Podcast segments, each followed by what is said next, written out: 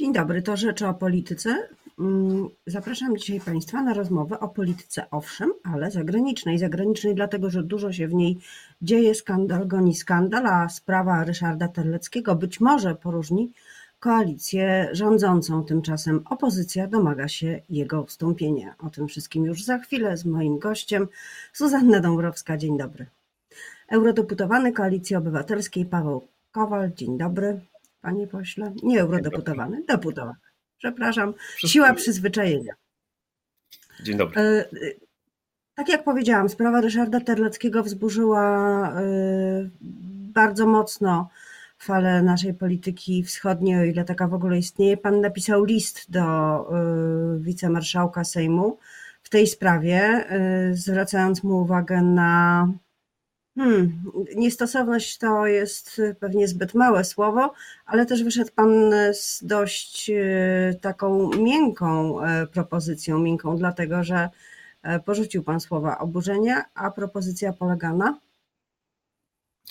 Ja tu chodziłem z tym kilka dni oburzony i dalej jestem oburzony, ale y, Każdego dnia, minęło parę dni, uświadamiałem coraz bardziej, jakie ogromne straty przyniesie ten wpis Ryszarda Terleckiego i jego skutki. I pomyślałem, że no, popolemizować to zawsze można, ale może on jeszcze jednak się ocknie, może jego współpracownicy się ockną i zastanowią się, co robią, dlatego że e, ten atak na e, Swietłanę Ciechanowską e, w kontekście jej wizyty w Polsce jednak odbije się poważnie echem także na Zachodzie. Dlatego, że po pierwsze będzie reputacja Polski jako państwa, w którym e, goście z zagranicy, e, przyjeżdżający, opozycjoniści przyjeżdżający z autorytarnych krajów nie mają swobody w tym, żeby sobie organizować kalendarz spotkań. E, po drugie, marszałek Terlecki sam przekreśla swoją historię, dlatego że jednak on w sprawach polityki wschodniej, na przykład w relacjach z Ukrainą, zachowywał się bardzo porządnie wielokrotnie w ostatnich latach. Po trzecie, to uderza w całą polską politykę wschodnią, w całą tradycję polskiej polityki wschodniej ostatnich 30 lat. Aleksandra Kwaśniewskiego, Lecha Kaczyńskiego, co podkreślam tutaj grubym markerem, dorobek właśnie Lecha Kaczyńskiego, także Bronisława Komorowskiego, czyli właściwie wszystko zostało podważone tym jednym wpisem. Kiedy sobie to uświadomiłem, kiedy sobie uświadomiłem, jakie problemy będzie miał teraz polski rząd na Zachodzie, żeby być poważnie traktowany jako rząd, któremu zależy na mm, e, włączeniu naszych partnerów zachodnich w sprawy Białorusi, to pomyślałem, że jedyne dobre rozwiązanie, które na szybko jeszcze może nastąpić, to żeby Terlecki się po prostu, żeby marszałek Terlecki się wycofał z tych słów. Ja nie wiem, czy to jest miękkie. Ale pan naprawdę w to wierzy? Czy pan naprawdę w to wierzy, że my... tak spod palców przypadkowo wyszło e, takie, a nie inne oświadczenie, ono nie było konsultowane, ta złośliwość po prostu wynikała z chwilowej, e, takiej złośliwej dyspozycji pana Ryszarda Terleckiego i teraz wystarczy powiedzieć, a to sorry, przepraszam, to zapraszam e, na kawę i będzie wszystko ok?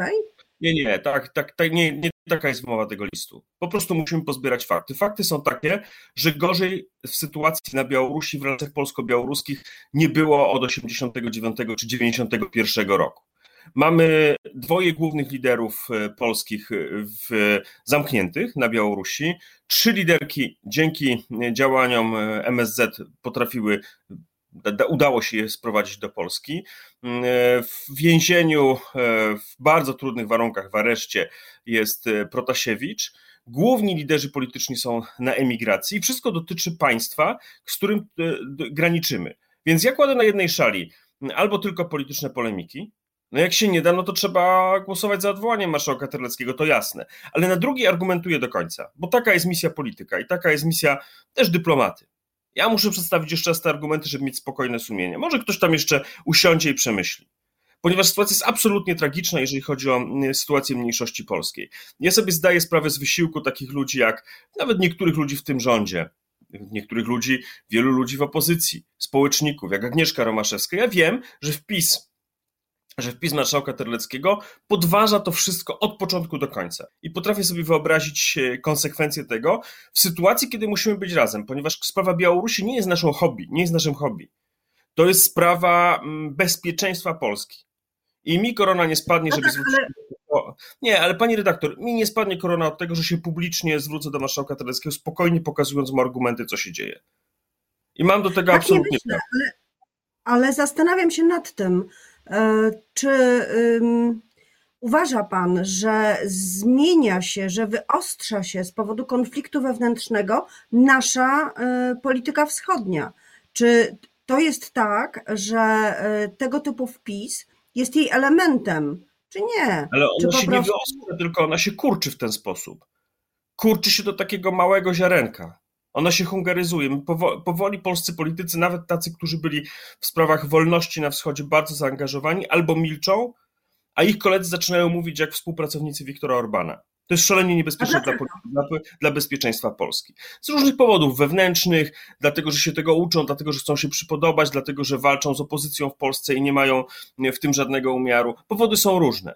Ale polski polityk powinien zwrócić uwagę w tej sytuacji na bezpieczeństwo Polski, z punktu widzenia bezpieczeństwa Polski, a ja się tym zajmuję naprawdę zawodowo, już nie politycznie, zawodowo od zawsze. Uważam, ten, że ten wpis będzie miał bardzo poważne konsekwencje i trzeba je zminimalizować. I to jest mój apel do marszałka Terleckiego, a to jest także mój apel do innych polityków obozu rządzącego. Macie sposoby, żeby honorowo wyjść z tej sytuacji, wyjdźcie z niej jeszcze. Ja oczywiście mogę jako opozycjonista mieć, e, mieć satysfakcję, że mogę sobie popolemizować z marszałkiem. I jestem oburzony tym, e, tym wpisem. Oczywiście, że tak. I nie mogę się z nim pogodzić. Ale jest jeszcze czas na to, żeby to zmienić. I o to apeluję. Jest to jest Czy wniosek o odwołanie marszałka został już złożony, czy dopiero będzie złożony dzisiaj? I czy w takim razie, gdyby rzeczywiście doszło do jakiegoś gestu, gdyby zdarzył się taki cud, że przedstawiciel większości rządzącej odpowie pozytywnie na apel przedstawiciela e, opozycji, to jest czas na to, żeby, te, żeby to stanowisko koalicja zmieniła, nie domagała się odejścia Ryszarda Terleckiego? Ja nie działam w sprawie tego listu, działam po prostu jako poseł, jako ktoś, kto niezależnie od tego, w której części sceny politycznej jestem, zawsze mi zależy na racji stanu, jeśli chodzi o polską politykę wschodnią i tak, i tak i w takim charakterze występuję. Gdyby oni, mm, mówię o obozie władzy, wystąpili z jakimś gestem i potrafili zniwelować straszne skutki dla polskiej racji stanu tego typu wypowiedzi, będę przekonywał kolegów, że być może warto trochę inaczej podejść do tej sprawy. Wiele osób skrytykowało to, te słowa Ryszarda Terleckiego, między innymi prezydent Andrzej Duda, między innymi wicepremier Jarosław Gowin. Czy sądzi pan, że to są takie sygnały, które mogą spowodować, że przy ewentualnym głosowaniu e, tego wniosku o, o e, usunięcie z funkcji wicemarszałka Terleckiego może dojść do rozpadu obozu władzy, że ta sprawa może być kasus belli albo wręcz kasus, powodem roz, rozpadu i dezintegracji obozu władzy. Mnie osobiście interesuje, ale to, to, nie jest najważniejsze. Mnie interesuje, co się stało marszałkowi Terleckiemu, że napisał coś takiego i się nie wycofał. Ale to nie jest najważniejsze. Pani redaktor, wicemarszałka Sejmu zawsze można odwołać, jak się znajdzie większość. Ale gra nie toczy się dzisiaj o to. To będzie ostateczna konsekwencja tylko. Gra się toczy naprawdę o polską rację stanu, ponieważ kryzys na Białorusi jest szalenie poważny. Ja nie mogę sobie, nie mogę się pogodzić z tym, że w MSZ nikt tego nie bierze na poważnie, że premier milczy. No jednak w obronie tej wypowiedzi marszałka Tereckiego, bo chciałbym to wyraźnie też oddzielić, żeby to się nie przerodziło w ataki na niego nawet. Skupmy się na tej wypowiedzi. W obronie tej wypowiedzi wypowiedziało się kilku bardzo poważnych polityków. Ja byłem tym przerażony. Zobaczyłem także. No, to było po prostu. Ja byłem zszokowany absolutnie. Dlatego, że nawet jeżeli ktoś sobie tak pomyśli, że nie wiem, przyjeżdża Swietłana Ciechanowska do Polski i on by wolał, żeby się z kimś tam nie spotykała, no to przecież nie wszystko się, się mówi. To jest kwestia dyplomacji, to jest kwestia profesjonalizmu, a spotykanie się przez liderów. No, Polska powinna być właśnie takim państwem gdzie jeżeli przyjeżdżają politycy demokratyczni z krajów autorytarnych, to powinni się czuć tym bardziej swobodni w kraju Solidarności. Boże kochany, żeby się spotkać no z tak, kim... ale panie pośle, ja jasne. Się, ja nie chcę się na tym pastwić, ponieważ jako historyk mógłbym opowiadać godzinami, jak władze komunistyczne próbowały utrudnić spotkania, nie wiem, czy to z kardynałem Wyszyńskim, gościem zagranicznym, czy później z Lechem Wałęsą. To w ogóle nie ma, zostawmy to na razie, zostawmy także kwestię odwołania, przyjdzie głosowanie, będziemy głosować. Walczmy do Ale końca o to, uchronić to, co Panie jest istotne. Ja to rozumiem tak, e, że jeżeli mówimy o racji stanu, to mówimy też o większości rządzącej, która tę rację stanu w jakiś sposób wyraża albo nie. I dlatego taki wniosek i ewentualna dezintegracja obozu władzy z tą racją stanu ma wiele wspólnego. E, myślę i o prowadzeniu polityki wschodniej, i o w ogóle prowadzeniu działań dyplomatycznych, i o sojuszach europejskich, o budowaniu e, grupy y, na poziomie Unii Europejskiej, złożonej z partii niektórych postfaszystowskich. To jest dłuższa historia. Znaczy, jako, to tak, to jest bardzo długa historia ponieważ spór o polską politykę wschodnią od 1918 roku jest de facto sporem o kształt Polski i o to, jaka ma być Polska. Ja się zgadzam, to jest fundamentalna historia. Ale jeżeli kogoś jeszcze nie przekonają moje argumenty, to niech sobie wyobrazi, jakie były raporty niektórych wschodnich ambasad po wpisie marszałka Terleckiego. Po co my to robimy? Po co to robią polscy politycy? Jest jeszcze czas się wycofać. Tyle. Mm, I to ten list nie jest wyrazem słabości. Ten list jest wyrazem troski, ponieważ są sprawy ważne i najważniejsze. Panie pośle, w takim razie zapytam o y, to, co było takim y, tematem obok, obok tweeta oświadczenia marszałka Terleckiego, ważnym w polityce przez ostatnie dni, czyli zapowiedź właściwie wyrażona wprost Donalda Tuska dotycząca powrotu i y, nie chcę pytać o to, co powie na to, która frakcja w Platformie Obywatelskiej, zresztą tego akurat nie musi Pan komentować, co zrobi Koalicja Obywatelska. Zapytam Pana o ocenę Donalda Tuska jako polityka formatu europejskiego. No to jest oczywiste. Sprawował jedną z najważniejszych funkcji, jakie w Europie można e, sprawować. Na gruncie polskim, czy jest miejsce w polskiej polityce dla takiego polityka, y, który nagle miałby wrócić? Przyznaję, że ja sam potrafiłem zmienić zdanie w różnych sprawach dotyczących Donalda Tuska, dlatego też czasem apeluję do innych, żeby się nie krępowali zmienić zdanie. Moje zdanie kiedyś było dużo bardziej krytyczne, potem z czasem patrzyłem na niego jak. Mm, umacniał się na arenie europejskiej, szczególnie jeśli chodzi o walkę z kryzysem, kiedy był e, przewodniczącym Rady. Mm, później, jeżeli chodzi o politykę wschodnią, tutaj odegrał też bardzo dużą rolę, szczególnie jeśli chodzi o, o, o Ukrainę i relacje z Ukrainą. Także um, oceniam dzisiaj ten bilans pozytywnie. E, Polska potrzebuje polityków tego formatu. Nie wchodzę w sprawy wewnętrzne mm, platformy, dlatego że ja trochę jestem gościem jako poseł niezrzeszony w żadnej partii, należący do klubu Koalicji Obywatelskiej, więc stawiam kawę na ławę. Mógłbym to komentować, ale nie chcę, bo nie byłoby to zręczne.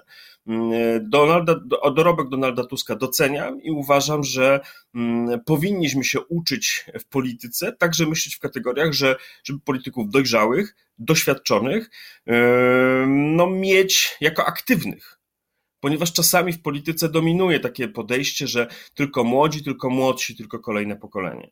Więc y, mnie się bardzo podoba w dojrzałej polityce korzystanie z doświadczenia polityków doświadczonych, którzy zresztą, y, no co pokazuje aktywność Donalda Tuska, mm, wciąż polityką się zajmują, bardzo aktywnie korzystając z tych funkcji, które mają. Także nie, myślę, że jego obecność, jego wsparcie w takiej czy innej formie, nie wchodzę w te komentarze, e, to jest dobrze dla opozycji i dobrze dla Polski. Dlatego, że my nie mamy zbyt wielu polityków, którzy mają możliwość budowania relacji ze względu choćby na swoją wcześniejszą funkcję właśnie w, w strukturach Unii, budowania relacji z liderami światowymi. Także mm, to może tylko pomóc. I to może pomóc już teraz, Ale... nawet w sprawie białoruskiej. To, to, to jest tak, że powinniśmy korzystać z wszystkich zasobów, które mamy jako państwo. Nie jesteśmy super mm, silnym państwem, jesteśmy państwem średnim, które ma aspiracje, żeby być mocniejsze, a jeśli tak, to musimy się nauczyć czerpać z wszystkich zasobów, korzystać z wszystkich zasobów, także mm, z doświadczenia polityków, z którymi często na gruncie krajowym się nie zgadzamy. My nie mamy tej kultury, żeby tak się zachowywać jako państwo. Ja chciałbym, żebyśmy się tego uczyli. Tak, ale tu jest e, taki trochę kłopot strukturalny, e, bo korzystanie z doświadczenia to jedno. Są politycy, którzy e, tym doświadczeniem się dzielą, no choćby były prezydent Aleksander Kwaśniewski, były prezydent Bronisław Komorowski. Różnie może być to oceniane, ale niewątpliwie pełnią rolę takich autorytetów z różnych stron politycznych. Zapewne, gdyby Lech Kaczyński żył i nie był prezydentem, to też pewnie pełniłby rolę takiej osoby mm, będącej dla wielu autorytetem. Ale Donald Tusk ma po pierwsze inny chyba temperament, a po drugie inną pozycję, inne doświadczenie. Ciężko jest w krajowej polityce zagospodarować taką pozycję.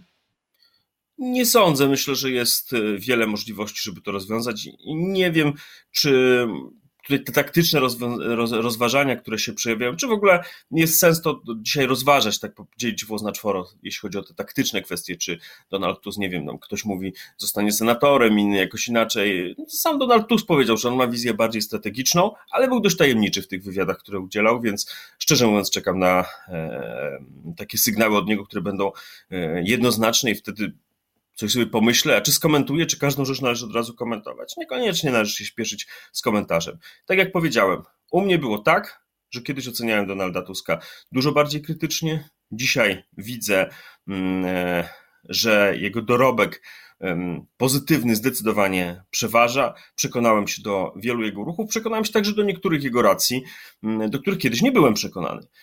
I wiem, że on jest potrzebny zarówno opozycji, jak i potrzebny Polsce na arenie międzynarodowej. Bo wielu takich polityków nie mamy, a w pewnym sensie można powiedzieć, że dzisiaj nie mamy nikogo poza Donaldem Tuskiem, który miałby mm, no, jednak ten telefon do najważniejszych postaci na świecie mm, w, w swojej komórce. Ostatnia kwestia i niestety musimy e, omówić ją krótko, bo czas się nas, nasz kończy. E, chciałam zapytać o Nord Stream 2, o to, co teraz już natychmiast powinna e, robić Polska, jak zmieniać swoją politykę energetyczną wobec tego, co zdaje się być oczywiste. Inwestycja powstaje, jesteśmy w, tej, w tym miejscu właściwie, w którym byliśmy. Wcześniej, Nogi nie wolno odstawić, trzeba do końca grać. Nawet jeżeli komuś się wydaje, że przegra. W polityce jest tak, że trzeba grać do końca. I właściwie cały nasz dzisiejszy program jest o tym, że trzeba grać do końca. I w pierwszej, i w drugiej sprawie Donalda Tuska, i w tej yy, mówimy o tym samym. Czyli teraz rząd powinien wzmóc nacisk dyplomatyczny na partie niemieckie, szczególnie na Zielonych oraz na część Hadeków, którzy są za moratorium w sprawie, mm, w sprawie Nord Streamu.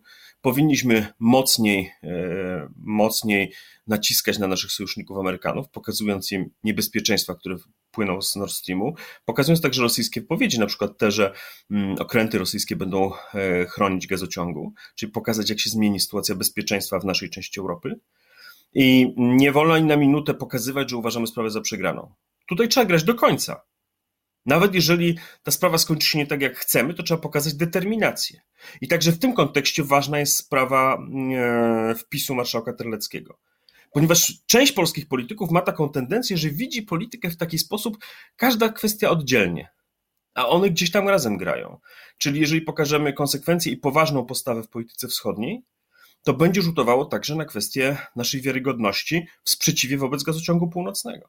I powiem jeszcze jedno. Trzeba ograniczyć demonstrację poparcia dla Wiktora Orbana, bo on ma inną politykę w tej sprawie. On uzależnia swój kraj od y, rosyjskiej energetyki, w ten sposób też Unię Europejską uzależnia.